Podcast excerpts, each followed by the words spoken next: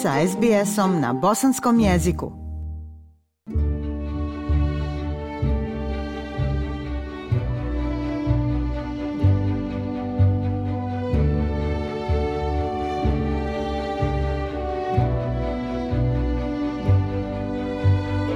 Slušate program SBS radija na bosanskom. Revolucionarni tretman za djecu s dijagnozom raka uskoro će biti dostupan svakom djetetu širom Australije. Očekuje se da će revolucionarni plan ciljano skrojenih tretmana koji je prvi u svijetu produžiti živote više od hiljadu djece svake godine, kako izvještava novinarka SBS-a Ebi Dinam. Kristijan Kožul svakodnevno prkosi lošim prognozama – dok mu je sa 15 mjeseci dijagnosticiran rijedak rak mozga, ljekari su njegovoj majci Mariji Kožul rekli da on neće živjeti više od godinu dana, a ove godine Kristijan će proslaviti svoj osmi rođendan. He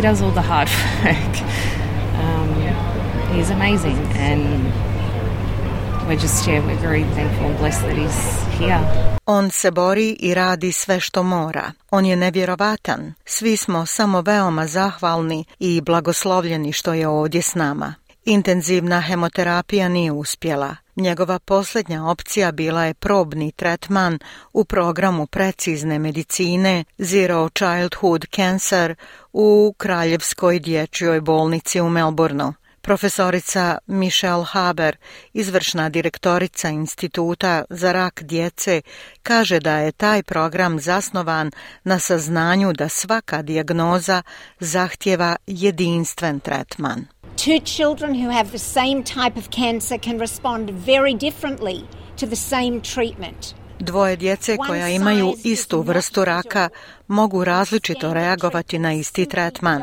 Jedan lijek ne odgovara svima. Standardni tretmani jednostavno ne funkcionišu jednako za svu djecu. Pionirski program identificirao je specifičnu genomiku kristijanovog raka, omogućavajući doktorima da koriste ciljanu, manje invazivnu oralnu terapiju koju bi on mogao uzimati kod kuće. U roku od mjesec dana njegov tumor se smanjio. Voditelj kliničkih ispitivanja, profesor David Ziegler, kaže da je Kristijanov ishod iskusila većina djece koja su uključena u ispitivanje. About 70% of those had benefit. Either their tumor stopped growing or we actually saw Preko 70% djece pacijenata imalo je koristi ili je njihov tumor prestao rasti ili se u nekim slučajevima smanjio ili čak potpuno nestao. Oko 900 djece upućeno je na Zero Trial program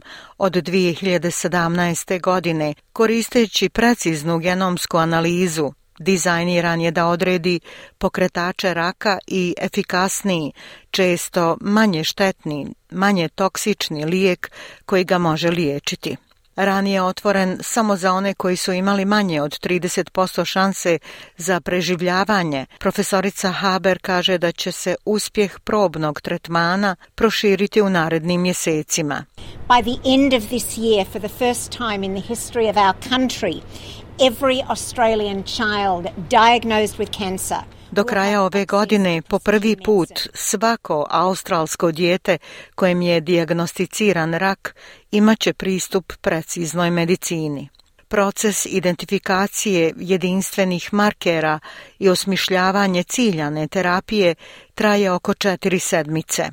Profesor David Eisenstadt iz Kraljevske dječje bolnice kaže da to predstavlja veliki korak naprijed u naporima da se pojava raka kod djece učini nesmrtonosnim unutar jedne generacije. It's, it's really uh, giving everyone a little more energy, a little more kick in our step because ovo svima daje malo više energije, malo više ritma u njihovom koraku naprijed, jer ne volimo reći boljelima i njihovim familijama da ne možemo više ništa uraditi. Analiza hiljadu pacijenata bit će podijeljena na međunarodnom nivou kako bi se pomoglo u naporima drugih u borbi protiv raka u djetinjstvu i, kako kaže Marija Kožul, to daje mnogim familijama nadu da se, poput Kristijana, i njihova djeca mogu vratiti životu.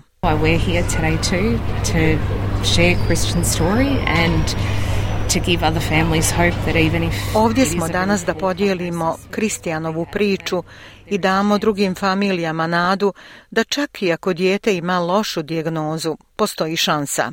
Ja sam Aisha Hadži Ahmetović. Ostanite uz program SBS radija na bosanskom jeziku. SBS na bosanskom. Podijelite naše priče preko Facebooka. Želite poslušati još ovakvih priča?